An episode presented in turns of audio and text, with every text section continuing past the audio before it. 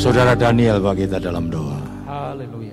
Terima kasih Tuhan. Bapak kami yang banyak juga, terima kasih Tuhan. Ini kami bersyukur Haleluya. kalau kami masih boleh beribadah, memuji dan memuliakan nama Tuhan. Amin. Dan bila setiap pujian kami itu memuliakan dan menyenangkan Engkau Tuhan. Terima kasih Tuhan. Sebentar Tuhan kami akan mendengarkan firman-Mu. Urapi hati, pikiran, telinga roh kami Tuhan. Amin. kami boleh dengar-dengarkan firman-Mu. Kami boleh mengerti. Terlebih kami belajar untuk melakukan firman-Mu. Haleluya. Yang akan menyampaikan firman-Mu Tuhan urapi. Supaya apa yang keluar dari bibirnya kuasa Tuhan yang bekerja. Kami siap mendengarkan firman Tuhan di dalam nama yang indah. Tuhan kami Yesus Kristus. Haleluya. Amin. Amin. Puji Tuhan. Silakan duduk. Selamat pagi. Selamat kita boleh bertemu dalam kasih Tuhan. Bapak sudah diberkati pada pagi yang indah ini. Amin. Allah yang kita sembah adalah Allah yang ajaib, yang luar biasa, yang boleh menolong kita semua. Puji Tuhan. Kita akan bersama-sama mendengarkan firman Tuhan. Di tengah-tengah kita ada Mbak Tuhan Bapak Pendeta Ivan dari Sulawesi Tengah ya Uh, beliau melayani GPD di Sulawesi Tengah ya mari kita sama-sama siapkan hati kita kita mau dengarkan firman Tuhan waktu dan tempat saya persilahkan Haleluya. Haleluya. Puji Tuhan saudara. Saya ucapkan selamat pagi bagi kita semua. Dan terima kasih buat Bapak dan Ibu Gembala yang sudah memberi kesempatan bagi saya untuk sharing firman Tuhan pada pagi hari ini. Dan juga jemaat Tuhan GPD Siloam Salatiga yang mau rindu hatinya untuk menerima berkat pelayanan Tuhan pada pagi hari ini. Dan saya percaya pujian penyembahan kita sudah membawa kita ke hadirat Tuhan. Dan saya percaya juga Tuhan sudah berkenan dengan pujian kita. Mari sama-sama katakan amin. Saya percaya kita semua pada pagi hari ini semuanya sehat rohani kan? Amin. Sehat jasmani? Masih takut pakai masker? Ikuti protokol.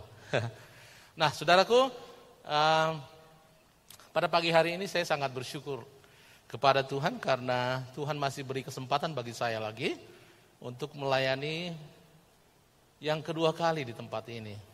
Beberapa mungkin tahun yang lalu, dua tahun yang lalu, saya ibadah yang ketiga malam ya, saya melayani dan puji Tuhan dan Bapak dan Ibu Gembala memberi saya kesempatan untuk uh, berbagi berkat pada pagi hari ini. Nah, pagi hari ini saya ingin kita belajar bersama-sama mengenai tentang ini saudara. Uh, Tuhan memikirkanmu dan memikirkan masa depanmu. Bahasa Jawanya berkata, He is thinking of you and your future. Haleluya. Puji Tuhan. Ya, yang saya pelajari saudara, beberapa buka bisa ya. Agak susah bernapas saudara. Maaf. Yang saya pelajari beberapa alasan orang menjadi khawatir dan takut. Takut gagal, takut kegelapan, ya, takut kena virus. Ada juga orang Kristen yang takut lewat kuburan. ini saudaraku, ini yang sangat uh, menjadi sebuah pertanyaan besar. Mengapa orang-orang Kristen saat, saat ini masih takut? Padahal Tuhan selalu memikirkan saudara setiap hari. Saudara tiap hari dipelihara oleh Tuhan. Dan kita selalu percaya bahwa saya percaya Tuhan. Pertanyaannya adalah, kalau kita mempercayai Tuhan, mengapa kita perlu takut? Kelihatannya rohani saudara, tetapi pada prakteknya masih banyak orang Kristen, bahkan ada juga hamba-hamba Tuhan, takut. Kalau takut manusiawi, tetapi ada hal-hal yang tidak perlu kita takuti. Masih takut lewat kuburan, takut kegelapan. Ada yang takut di sini?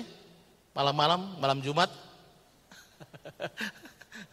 nah, saudaraku, yang saya sakit, kasih dalam Tuhan Yesus Kristus. Kenapa orang takut? Kenapa orang khawatir? Kenapa saudara? Mereka kurang yakin. Kurang yakin dengan apa saudara? Kurang yakin dengan janji Tuhan. Bahkan ada orang Kristen tidak percaya kehadiran Tuhan. Kan semua tahu kan bahwa He is the real Immanuel. Dia adalah Immanuel yang benar-benar hadir bersama dengan kita. Dia adalah Immanuel. Ketika dia hadir, dia sudah memikirkan kelemahan-kelemahan kita yang sebagai seorang manusia. Dan kalau kita percaya dia bahwa dia adalah Immanuel, seharusnya sebagai orang percaya yang memahami Tuhan bahwa dia Immanuel, kita nggak perlu takut. Amin. Banyak orang Kristen ke gereja tetapi tidak sungguh-sungguh percaya. Banyak orang Kristen ke gereja tetapi tidak fokus ke Tuhan. Karena apa saudara? Saya kasih contoh aja, saya orang saya penginjil saudara. Sebagai gembala dan saya juga penginjil, saya juga pengajar. Kenapa saudara? Di gereja masih buka WA. Gak takut. Masih buka Facebook. Karena apa? Pikirannya ada di situ. Kalau kita benar-benar respect kepada Tuhan, saya percaya hal-hal seperti itu akan kita hilangkan. Karena tujuan kita datang beribadah adalah untuk memuji, menyembah Tuhan. Yang setuju sama-sama katakan amin. Ada di sini? Saya lihat kiri kanan, oh masih aman. Puji Tuhan pengembalaan yang baik. Mari kita baca dulu. Yeremia pasal yang ke-29. Saya akan segera secepat-cepatnya dalam waktu yang sesingkat-singkatnya. Ya. Yeremia pasal yang ke-29. Bisa bangkit berdiri sekali lagi? Kita sama-sama baca. Supaya kita benar-benar menikmati. Saudara bisa memaknai. Apa kata Tuhan? Yeremia pasal yang ke-29 ayat yang ke-11. Sama-sama baca. Satu, dua, tiga. Sebab aku ini mengetahui rancangan-rancangan apa yang ada padaku mengenai kamu, yaitu rancangan damai sejahtera dan bukan rancangan kecelakaan untuk memberikan kepadamu hari depan yang penuh harapan.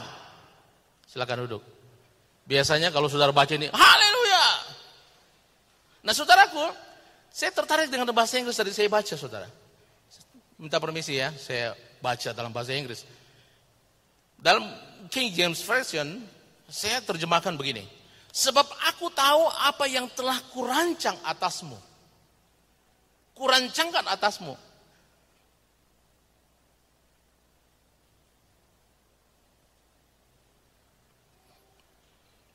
Kata Tuhan, yaitu rancangan damai sejahtera.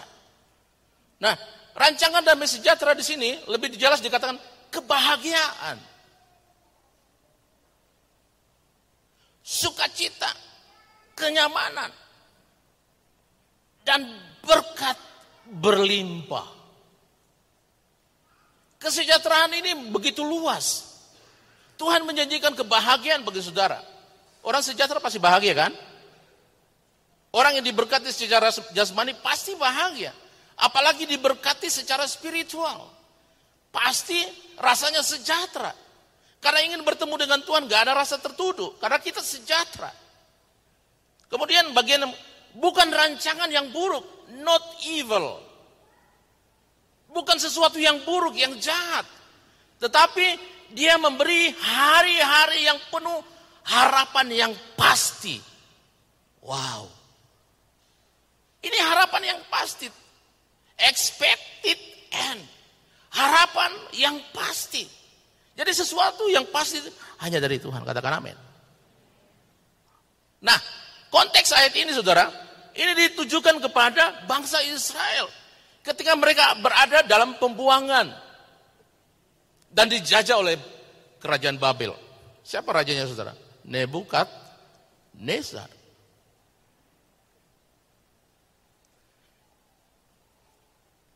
Yang saya pelajari saudara, pada umumnya orang buangan, orang yang dijajah, orang yang terikat, orang yang terintimidasi dengan kuasa gelap.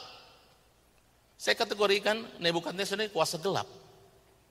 Karena dia jajah orang umat pilihan Tuhan. Orang yang selalu dengan Tuhan. Orang yang selalu dengan Tuhan dijajah orang yang tidak selalu dengan Tuhan. Berarti orang itu terikat, diikat. Mereka jadi budak saudaraku.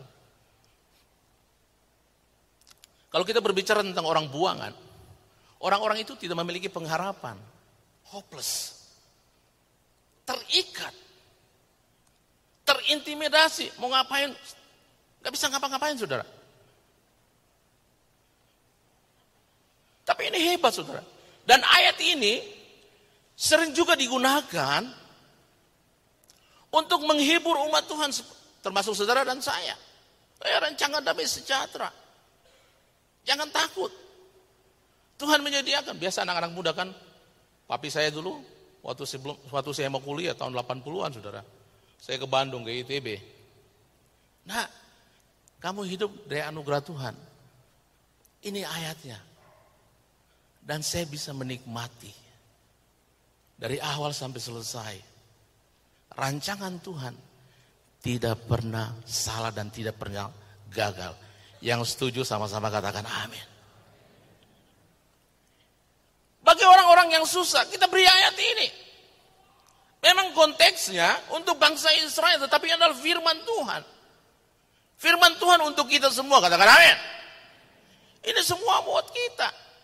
Nah, dan yang saya pahami dari ayat ini saudara, Allah tidak pernah membiarkan umatnya dalam keadaan terpuruk. Karena diberikan damai sejahtera. Dan saya mau katakan, dia tidak pernah meninggalkan kita terpuruk, tidak merancang sesuatu yang tidak baik. Justru kalau saudara perhatikan ayat ini, Tuhan bertanggung jawab dan memipik, memikir, memikirkan masa depan mereka. Dia pikirkan masa depan yang pasti, yang pasti, yang pasti. Tuhan pasti berkati, Tuhan pasti pelihara. Tuhan pasti melindungi. Tuhan pasti memberi jalan keluar. Dan terbukti. Termasuk saudara dan saya. Haleluya. Saudaraku yang saya kasih dalam Tuhan Yesus Kristus. Yang saya pelajari sebagai orang percaya mengandalkan Tuhan itu adalah sebuah keharusan. Karena apa saudara? Dia memikirkanmu dan masa depanmu. Termasuk anak-anakmu, cucu-cucumu. Bahkan pelayananmu dipikirkan oleh Tuhan. Ada yang meragukan Tuhan di sini? Angkat tangan. Siapa yang meyakini bahwa Tuhan kita adalah Tuhan yang hebat? Haleluya. Nah saudaraku yang saya kasih dalam Tuhan Yesus Kristus. Tapi yang paling sering terjadi adalah kita tidak percaya. Apalagi dalam keadaan tertekan. Apalagi dalam keadaan ekonomis. Dua tahun lebih hari yang lalu. Dan puji Tuhan hari ini kita sudah mulai. Mana judulnya nih? pulih lebih cepat, bangkit lebih kuat. Orang Kristen pun juga. Dua setengah tahun mungkin saudara rohaninya agak begini. Ketika Tuhan pulihkan, seharusnya kita lebih pulih lebih cepat. Dan bangkit lebih tangguh, lebih kuat. Karena apa? Selama itu kita diproses Tuhan untuk lebih bergantung kepada Tuhan. Karena dia merancang damai sejahtera dalam kehidupan kita. Haleluya. Nah saudaraku, bahkan dalam situasi sulit, sering kali mengandalkan Tuhan adalah pilihan terakhir. Ini sudah terbukti. Kalau sedang diberkati, lupa ke gereja. Kalau sedang proyeknya bagus-bagus, tokonya diberkati Tuhan, lupa berdoa. Ketika customer nggak datang belanja, oh Tuhan, tolong saya. Pilihan terakhir. Tetapi ketika dalam keadaan diberkati, lupa. Lupa waktu dengan Tuhan. Ingat, itu adalah salah satu rancangan Tuhan damai sejahtera. Engkau diberkati secara berlimpah. Yang setuju sama-sama katakan amin. Nah saudaraku, kadang kita memerlukan Tuhan ketika segala kemampuan yang kita miliki, pikiran kita, otak kita yang pintar ini secara terbatas, kita sudah lakukan segala sesuatu baru oh iya ya, udah Tuhan. I surrender. Aku berserah, berserah, berserah. Giliran gak mampu, berserah. Lari kepada Tuhan. Oh, Bapak Gembala tolong saya doakan. Bapak Gembala, Ibu Gembala bukan dukun, saudara.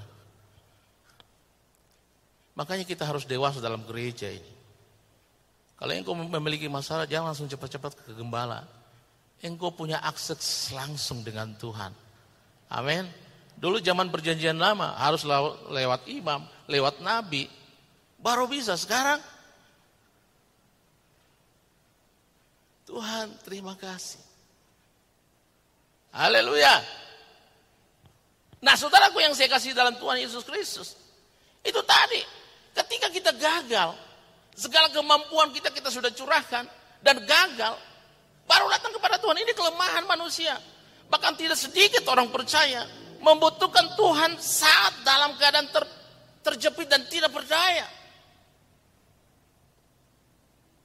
Tetapi ketika kondisi nyaman, sepertinya tidak butuh Tuhan. Ini sangat berbahaya, saudara. Kalau sudah nyaman, doanya dijawab, lupa Tuhan. Akhirnya berdoa nanti saja, baca Alkitab nanti saja, ibadah nanti saja. Ibadah datangnya terlambat. Saya percaya di sini di sini tidak ada.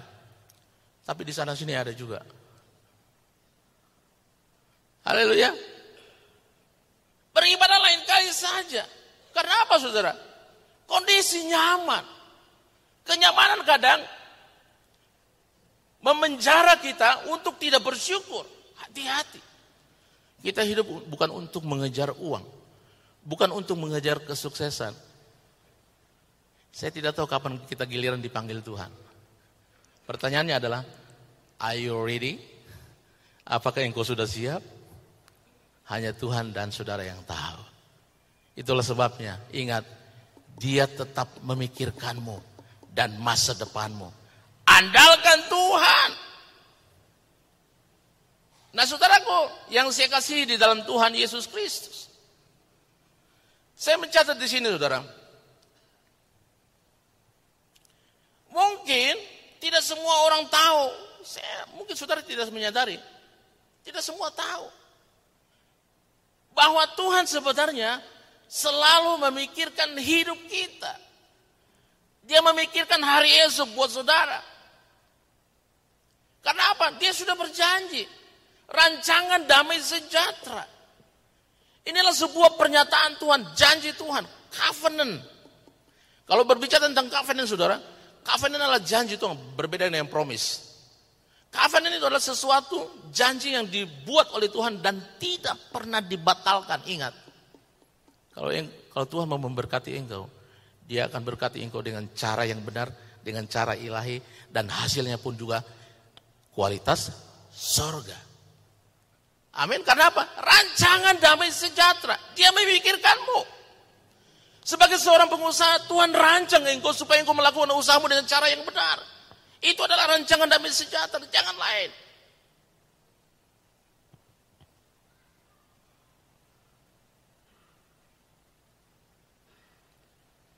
Kita sering tidak tidak terlalu peduli saudara. Karena apa?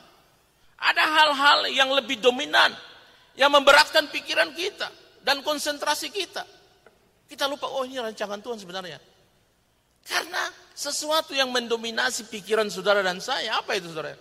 Yang biasa membuat kita takut. Kebutuhan sehari-hari nggak cukup pak. Makan sehari-hari, makan sekali sehari. Masih ada di sini? Makan sekali? Gak ada. Saya percaya umat Tuhan, GPDI, Siloam, diberkati oleh Tuhan. Kesehatan bayar listrik. Aduh gimana ya, udah nit nit nit nit nit. Gak ada duit. Ini yang mempengaruhi pikiran kita. Sehingga tidak ada damai sejahtera. Tetapi ketika kita memikirkan bahwa Tuhan sudah rancang hidup kita dengan rancangan damai sejahtera. Seharusnya kita berkata, Tuhan, tolong saya. Berarti kita percaya bahwa rancangan Tuhan adalah rancangan damai sejahtera yang benar-benar Tuhan komit dengan janji itu. Ada yang meragukan janji Tuhan di sini? Saya percaya tidak ada. Nah yang salah saudara, kita lebih banyak mengandalkan kekuatan sendiri. Dan ketika kita menemui jalan buntu, barulah kita menyadari, oh God, I need you. Baru sadar, oh Tuhan saya butuh engkau. Kembali ke ayat yang di atas, saudara.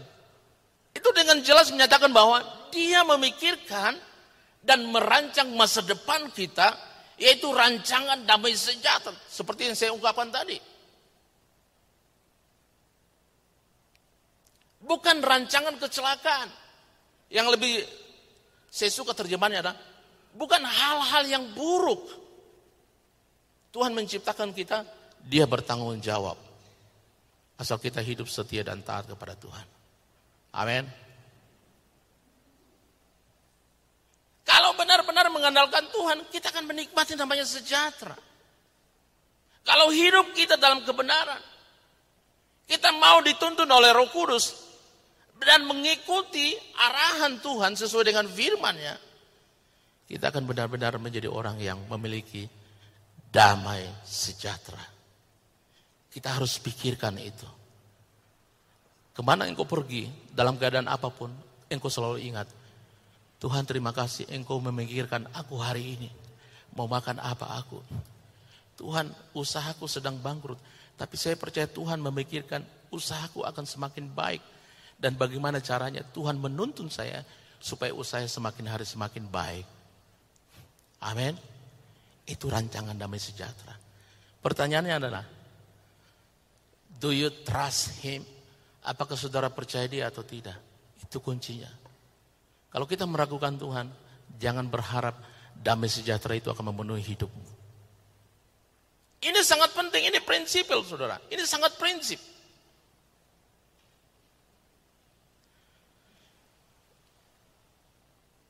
Pikiran dapat dipahami, pikiran Bapak kita di surga dapat dipahami melalui pelayanan Yesus Kristus. Saya teringat saudara. Dalam Lukas pasal yang ke-19 ayat yang ke-10. Nah 15 menit lagi saudara. Ini belum masuk poin-poinnya. Karena anak manusia datang bukan untuk menghancurkan nyawa manusia, tetapi untuk menyelamatkan mereka. Dalam Lukas pasal yang keempat ayat 18 sampai 19, roh Tuhan ada padaku oleh sebab ia telah mengurapiku. Untuk menyampaikan kabar baik kepada orang-orang miskin, dan ia telah mengutus aku untuk memberitakan pembebasan kepada orang-orang tawanan dan penglihatan bagi orang-orang buta. Saudara kembali baca di rumah sebentar. Dan penglihatan bagi orang-orang buta dan untuk membebaskan orang-orang yang tertindas. Untuk memberitakan tahun rahmat Tuhan telah datang. Apa yang Tuhan pikirkan tentang hidupmu? Saya mau katakan saudara, dia memikirkan keselamatanmu. Dia memikirkan masa depanmu. Dia memikirkan kesehatanmu ketika engkau sakit. Dia memikirkan kesembuhanmu. Dia memikirkan bagaimana engkau cepat pulih. Bangkit lebih kuat. Dia memikirkan keluargamu, masa depan anak-anakmu, masa depan cucu-cucumu. Dia memikirkan usahamu. Dia memikirkan pelayananmu. Dia memikirkan kepercayaan yang Tuhan berikan kepadamu. Karena apa? Semua dirancang Tuhan supaya kita menikmati perkenanan Tuhan. Bahkan yang jomblo pun juga Tuhan pikirkan. Ada yang jomblo di sini? Angkat tangan. Tuhan memikirkan pasanganmu. Makanya jangan pernah bergaul dengan orang-orang yang tidak seiman. Yang setuju sama-sama katakan amin. Jangan jual Kristus hanya mobil Avanza, mobil Innova. Nah, itu ditinggalin nanti dikubur nggak bisa nggak muat di kuburan, saudara. Tuhan memikirkan masa depanmu. Itulah dalam rancangan damai sejahtera Tuhan. Apa yang kita perlu lakukan? Apa yang kita harus lakukan ketika dia sedang memikirkan kita dan memikirkan masa depan kita? Mari baca bersama-sama dalam Lukas pasal yang ke-12 ayat yang ke-25.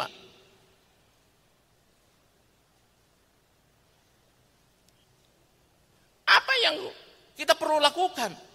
Kalau dia sedang bahkan selalu memikirkan hidupmu, memikirkan kebutuhanmu, apa yang harus kau lakukan saudara? Baca ayat yang ke-25 dari pasal, Lukas pasal yang ke-12. Sama-sama baca. Satu, dua, tiga. Siapakah di antara kamu yang karena kekhawatirannya dapat menambahkan sehasta pada jalan hidupnya? Jadi masih mau khawatir? Gak usah dipikirkan. Apa yang harus kita kita kita lakukan saudara?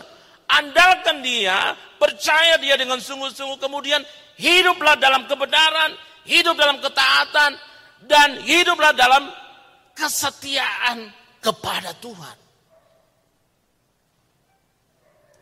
Orang yang hidup dalam kebenaran, kesetiaan, taat dalam segala hal, dia layak menerima rancangan damai sejahtera Tuhan. Ini bukan cuma janji, ini sesuatu yang pasti yang Tuhan anugerahkan bagi kita, bagi orang percaya. Seharusnya bagi bangsa Israel saja, karena ini adalah kemurahan bagi kita, anugerah bagi kita. This is the, the grace for us. Ini anugerah. Seharusnya kita tidak tidak memilikinya. Ini bagian-bagian anugerah. Tetapi kita harus hidup dalam ketaatan. Yang setuju sama-sama katakan amin. Nah saudaraku, seseorang yang benar-benar dapat mengandalkan Tuhan itu butuh proses. Benar-benar mengandalkan Tuhan. Kan tidak semua orang Kristen mengandalkan Tuhan kan. Saya tambah lagi. Kalau dia benar-benar, itu berartinya gak ada pilihan lain. Dia benar-benar gak ada orang lain. Hanya benar-benar mengandalkan Tuhan. Itu nggak but, itu butuh proses yang panjang. Gak ada instan. Makanya banyak orang-orang Kristen yang hidupnya instan rohaninya itu paling paling bahaya dalam gereja. Tukang kritik gembala, tukang kritik pengkhotbah, tukang kritik WL. Wah WL-nya kok pakainya sempit. Kok WL-nya macam-macam. Tidak proses. Kalau dia benar-benar mengandalkan Tuhan, memahami Tuhan yang dituntun oleh Roh Kudus. Saya percaya tidak ada ribu-ribu dalam gereja. Karena orang yang hidup dalam tuntunan Roh Kudus, orang itu layak dikatakan memiliki damai sejahtera. Karena apa saudara? Dia sudah memikirkan hidupmu. Ketika engkau menerima Yesus sebagai Tuhan dan Juru Selamatmu, dia sudah rancang hidupmu untuk memiliki hari depan yang pasti. Haleluya. Nah saudaraku yang saya kasih dalam Tuhan Yesus Kristus. Kita harus benar-benar mengalami pengalaman iman. Bukan kata orang, wah hebat kesaksiannya. Jangan terpesona. Kalau kau mau, saudara mau, engkau berkata kepada Tuhan, Tuhan, saya ingin mengalami hal yang sama. Supaya saya bukan menjadi seorang penonton. Pengalaman iman bersama dengan Tuhan itu sebuah keharusan bagi kita. Supaya apa saudara? Kita kuat di dalam Tuhan. Kita kuat. Kalau kita mengalami pengalaman iman bersama dengan Tuhan, hidup dalam kesetiaan, hidup dalam ketaatan, hidup mau dituntun oleh Roh Kudus kerendahan hati di situ. Bukan jadi penonton. Wow, kesaksiannya hebat. Saudara terpesona dengan kesaksian, saudara tidak terpesona dengan kehebatan Tuhan yang memikirkanmu hari ini dan masa depanmu. Itulah sebabnya pikirkan Tuhanmu. Percayai dia. Mempercayai Tuhan itu sebuah keharusan bagi orang percaya. Katakan kiri kanan saudara. Percayai Tuhan. Haleluya. Apa yang kita pikirkan? Yang saya pelajari saudara, ketika pikiran-pikiran kita sepakat, cocok, persis dengan pikiran-pikiran Tuhan, artinya pikiran kita match. Tahu saudara baut dengan ada baut kan? Dia match. Kalau nggak match saudara, nggak akan masuk. Pikiran kita dan pikiran Tuhan kalau cocok saudara, maka iman yang ada dalam diri saudara itu akan bekerja secara sempurna. Amin. Tuhan memakai pikiranmu untuk berpikir. Tetapi hati-hati dengan kekuatan pikiran saudara. Orang pikir, ah nggak masuk akal, ah nggak mau ikutin. Ingat pikiran kita itu saudara tidak mampu menyelami maksud Tuhan. Makanya banyak orang Kristen ateis. Udah S1, S2, S3, S lilin. Saking pinternya. Ah Masa rancangan damai sejarah kok nggak jadi-jadi? Mikir. Tetapi Tuhan mau pakai pikiran kita untuk memahami dia dengan cara dia. Ada yang kita pikirkan, tetapi ada yang kita tidak bisa pikirkan. Itu ranah Tuhan. Tuhan mau kita hidup dalam ketaatan. Haleluya. Dan saudaraku yang saya sangat kasihi dalam Tuhan Yesus Kristus. Saya akan masuk ke jam-jam akhir saudara. Ini berapa menit ya? Tujuh menit lagi. Oh lima menit lagi.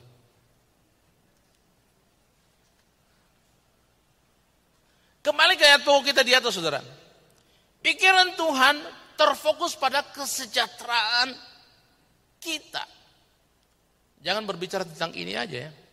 Kalau engkau memiliki hati yang benar, rohani yang benar-benar, engkau akan benar-benar sejahtera. Engkau berhadapan dengan Tuhan tidak pernah merasa, waduh saya berdosa. Ini yang kita harus benahi. Damai sejahtera Tuhan. Nah kalau kita tidak memiliki hati yang tulus, hati yang benar-benar dekat dengan Tuhan, kita nggak akan nggak akan pernah memiliki damai sejahtera. Rancangan damai sejahtera Tuhan itu tidak akan pernah kita alami. Karena apa saudara? Masih banyak hal-hal yang perlu diperbaiki dalam diri kita. Banyak orang Kristen mencari berkat, berkat, berkat, berkat. Dia tidak tahu untuk mendapatkan berkat jasmani, kita harus memiliki kualitas iman, kualitas rohani dengan benar di hadapan Tuhan. Kalau iman kita cocok di hadapan Tuhan, saudara minta apa saja. Makanya dikatakan, tinggallah di dalamku. Kalau firman Tuhan itu ada dalam diri saudara, apa pun yang engkau minta, Tuhan akan penuhi. Inilah damai sejahtera Tuhan. Nah saudaraku yang saya kasihi di dalam Tuhan Yesus Kristus. Nah saya membaca di sini saudara. Pikiran Tuhan terfokus pada kesejahteraan kita. Artinya hubungan dengan Tuhan, penjembahanmu, pujianmu, doamu, apa pun yang kau kerjakan buat Tuhan dan lain-lain berkenan dan itulah yang membuat dirimu sejahtera. Amin. Saudara bisa bayangkan saudara setia bawa perpuluhan, bawa persembahan. Tetapi kalau bukan hati yang jujur, hati yang tulus, waduh, bawa lagi. Gak sejahtera. Jadi segala sesuatu harus dilakukan dengan iman. Respect terhadap Tuhan yang memberkati kita. Meresponi firman Tuhan, apa kata Tuhan? Saya akan lakukan. Itu yang membuat kita sejahtera. Karena hidup kita semua bergantung kepada pribadi, yaitu Yesus Kristus. Saudara mau diberkati Tuhan?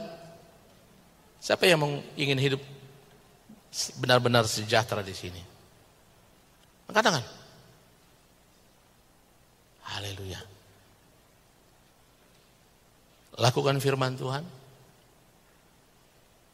Setia dalam segala hal sesuai rancangan Tuhan. Dan saya percaya Tuhan tetap memikirkan masa depanmu, masa depan anak-anakmu. Usahamu diberkati. Apa pun yang kau kerjakan diberkati Tuhan. Tuhan Yesus memberkati. Kami bersyukur Tuhan. Pagi hari ini kami boleh mendengar firman Tuhan yang boleh menjadi jawaban bagi setiap hidup kami bahwa kami harus mengandalkan Tuhan di atas segala sesuatu karena Tuhan sudah berjanji Tuhan memikirkan setiap kami. Tuhan memikirkan masa depan kami. Dan kami mau berpegang teguh kepada firman Tuhan. Berkati hambamu yang sudah menyampaikan kebenaran firman Tuhan. Berkati kami semua yang sudah menerima kebenaranmu, kebenaran firmanmu dengan iman. Dan kami yakin firmanmu akan bertumbuh, berbuah, memuliakan nama Tuhan. Terima kasih Bapak. Di dalam nama Tuhan Yesus Kristus kami berdoa dan bersyukur. Haleluya. Amin.